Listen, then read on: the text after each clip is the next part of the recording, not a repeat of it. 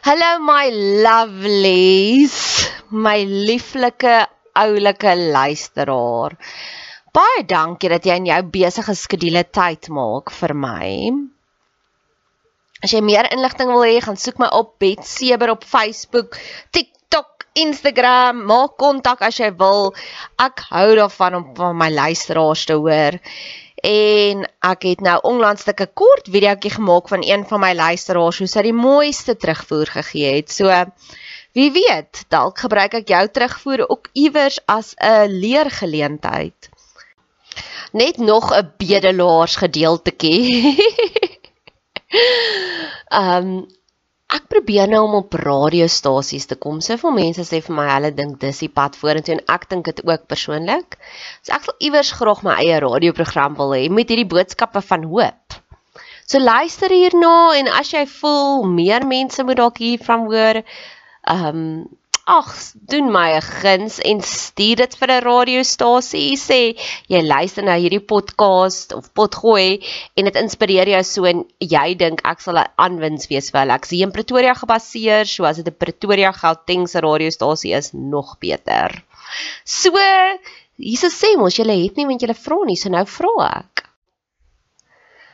Ek het nog 'n uitnodiging wat ek graag aan jou wil voorlê vir die volgende 15 kommentare wat ek kry. Positiewe, uplifting, persoonlike kommentare. So moenie net sê jy het lekker geluister nie. Sê vir my hierdie gedeelte was wat vir jou aangeraak het. Vir die eerste 15 wat 'n kommentaar lewer, sal ek sal ek met jou kontak maak en ek sal 'n podcast net vir jou maak. Ons kan gesels oor 'n probleem in jou lewe, ons kan gesels oor jou drome, ons kan gesels as jy getuienis het, wat ook al. Ons kan 'n onderhoud voer of ek kan dit 'n podcast opdra na jou toe. Ons kan dit anoniem hou of jy kan jou naam noem net soos wat dit jou pas. Jy is welkom om kommentaar te lewer hier op hierdie podcast kanaal, op ons Instagram, op Facebook, op TikTok, ek's oral. Ek sien uit daarna. So in hierdie omgewing waar ek woon, is een van die mooiste, die wowste kry hoendervleis welwillendheidsorganisasies of charities wat ek al ooit gekry het. My hart was van 'n baie jong ouderdom af vir mense. So ek het al gaan kuier, gaan besoek af lê, gaan praatjies gee by baie verskillende organisasies, bedieninge, ministries. Trust me if I say I've seen it all. Maar hier in hierdie stukkie hemel, want ek sê mos hierdie Kameelfontein area is regtig 'n stukkie hemel. Baie mense trek hierheen van die stad af en min mense trek weer weg. As ons eers hier is, is ons hier want dit voel soos jou tuiste. En alles hier is net so magical. En natuurlik as ek 'n vinnige opsommingkie maak van wat is die naaste charity aan my huis? Sal dit die een wees wat die wind uit my seile uitgejaag het. Dynamic Women for Children. So dit is hierdie nasorgsentrum reg langs 'n skooltjie. Nou baie van julle ken waarskynlik Kameelfontein Laerskool. Dis 'n laerskool waarop ek al vir jare verliefd is. Dis 'n plaaskooltjie. Hy's al oor die 100 jaar oud baie van daai kindertjies daar is minder bevoordeeld. Maar hulle is gorgeous. Die juffrouens wat daar werk bly somme, they stick want hulle het hierdie gemeenskap wat hulle 'n community vibe wat daar gehou is. En vir jare of nou nie vir jare nie, maar ek dink vir 'n jaar lank het ek volonteerswerk daar gedoen en ek was moer verlief op die skooltjie. Dis 'n oulike plekkie. Maar ek wil nie praat oor die skoolkie nie. Ek wil praat oor die organisasie reg langs die skool. Dynamic Women for Children noem hulle hulle self. So hulle het hierdie huis. En Michelle shout out as ek enige van hierdie feite verkeerd het, asseblief sê vir my, dan maak ons dit reg. Want hierdie is die eerste keer wat ek dit gaan probeer. En daar gaan nog baie van dit hopelik in die toekoms wees op hierdie op hierdie platform. Inligting oor hulle. Hulle het hierdie huis en dan hulle bedien vir die, vir die kinders wat in die plakkerskampe bly hier in ons omgewing. Ek was ook al reeds by daai plakkerskampe want ek is heeltemal te curious. Ek wil weet wat hier in ons omgewing aangaan. So dis die mense wat nie tans in staat is in die finansiële posisie in staat is om 'n huis te huur of 'n huis te koop of 'n woonstel te koop of 'n woonstel te huur nie. Dan gaan woon hulle in hierdie plakkerskamp. Daar is ook 'n koste om daar te bly. So hierdie organisasie het gesien daar's 'n behoefte en hulle het besluit hulle gaan hulle aandag fokus op die kinders wat in daardie plakkerskamp gebore word, grootgemaak word. En Michelle het daardie dag, en Michelle is 'n maatskaplike werker, 'n jong, baie dinamiese vrou, het sy vir my gesê dis nie maatskaplike gevalle nie. Met ander woorde, daar is nie enige misbruik van enige substansies nie. Daar's nie al dwelms wat gemisbruik word nie. Daar is nie fisiese mishandeling, aanrandings en sulke goed. Goed nee, hulle gee dit oor aan die maatskaplike werkers. Letterlik al daai kindertjies wat daar woon is net in die siekte of wat daar on daai onder onder daardie organisasies ambreel val is letterlik net in die traumatiese siklus van absolute armoede. So wat hierdie organisasie doen? Hulle het 'n bussie So die bussie ry elke oggend vroeg vroeg en dan gaan laai hulle die kinders op by hulle huise of by die wat nou mense dit tydelike woonede, eenhede in die plakkerskampe, by hulle tuistes. Gaan tel die kinders op, vat die kleiner kindertjies, die laerskool en voorskoolse kindertjies terug na hierdie huis toe. Daai kinders kry 6:00 in die oggend ontbyt. Die hoërskoolkinders word dan met daai bussie gevat na die verskillende hoërskole waarna hulle is in die Moot en die Pretoria Noord omgewing. Die hoërskoolkinders kry elkeen 'n brooi, twee broodjies, een broodjie vir ontbyt, een broodjie vir pouse. Na skool dan die laerskoolkindertjies stap sommer net na die skool toe, dis hoekom die skool reg langs die organisasie is, die laerskool. Na skool word al die hoërskoolkinders weer opgetel met die bussie Hulle word teruggevat saam met die laerskoolkinders, kry hulle middagete daar by die huis. Die res van die middag is daar 'n string terapeute wat inkom wat met die probleem kindertjie of nee, nie die wat met die probleemgevalle werk. So as die kind spelterapie nodig het, is daar 'n spelterapeut wat kom help. Arbeidsterapie. Daar is ook ex-juffrouens, juffrouens onderwysers wat al reeds afgetree het wat hulle tyd kom skenk daar om die kinders te help met hulle afspraak met hulle huiswerk. Daar is ook vrywilligers van die area wat kom en kom speel met daai kinders of die kinders help met huiswerk. Op die dag toe ek die wonderlike geleentheid gehad het om vir hulle te gaan kuier vir hierdie magical human beings wat 50 kinders is tans. Maar Michelle sê vir my hulle het lang waglyste van nog kinders, maar hulle kan net tans 50 akkommodeer. Het Michelle vir my deurgevat na hulle stoorkamers. Daar is stoorkamers van matriekafskeid rokke en matriekseuns se suits, want hulle maak selfs voorsiening vir hulle vir matriekafskeid.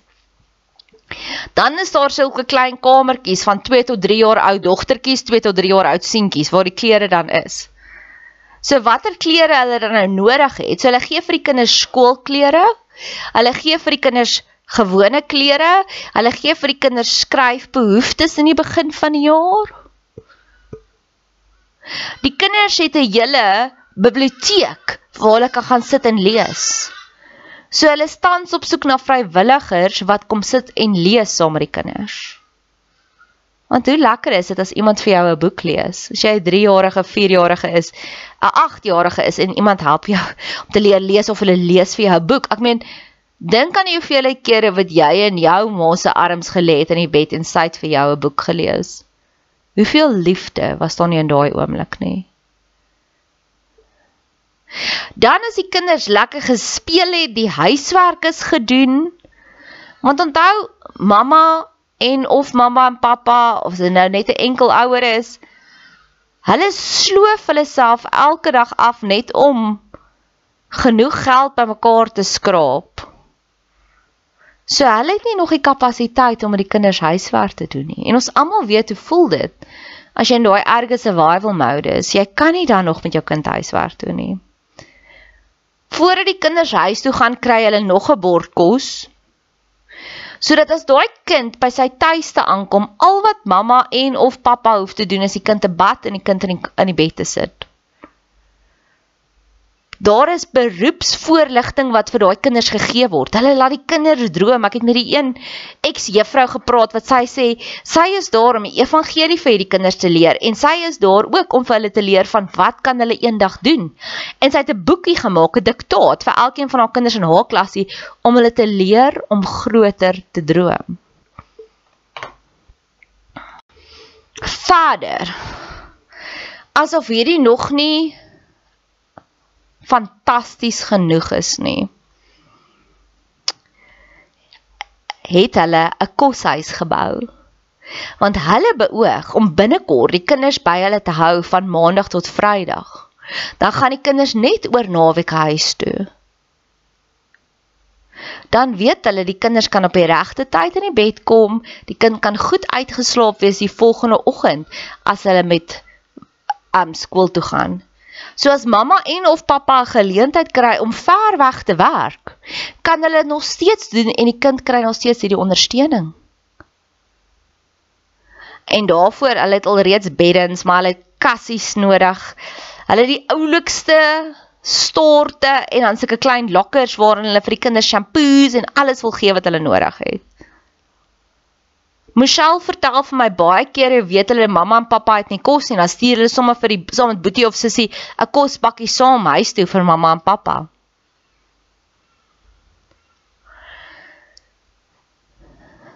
Ek is so opgewonde oor hierdie organisasie. My een vriendin wou op 'n stadium wou sy gaan help het by ek wil nou nie die organisasie se naam gesê nie, maar 'n organisasie wat help met kinders wat in pleegsorg is, maar hulle reëls was so streng waar hulle gesê het jy moet commit vir elke Dinsdag van die jaar, geen uitsondering nie. En sy soos sy's eerste van alles 'n mamma en dan bedien sy. So sy weet sy gaan haar eie kinders indoen. En ek het haar vertel daarvan, want hulle soek vrywilligers. Al is dit net om met die kindertjies te speel. En dit beteken leer hulle om te verf, leer hulle om jelly te maak. Seriese oproep. Vir elke vrou wat kinders wou gehad het, maar nooit kinders kon gekry het nie. Jy het 'n geleentheid nou om 'n verskil te maak in 'n kind se lewe. Gaan speel met die kinders, gaan doen saam met hulle wyswerk vir elke mamma wat voel haar kinders is nou al so groot en hulle het haar nie meer nodig nie en ons weet wat se hartseer bring dit. Hierdie is 'n uitnodiging.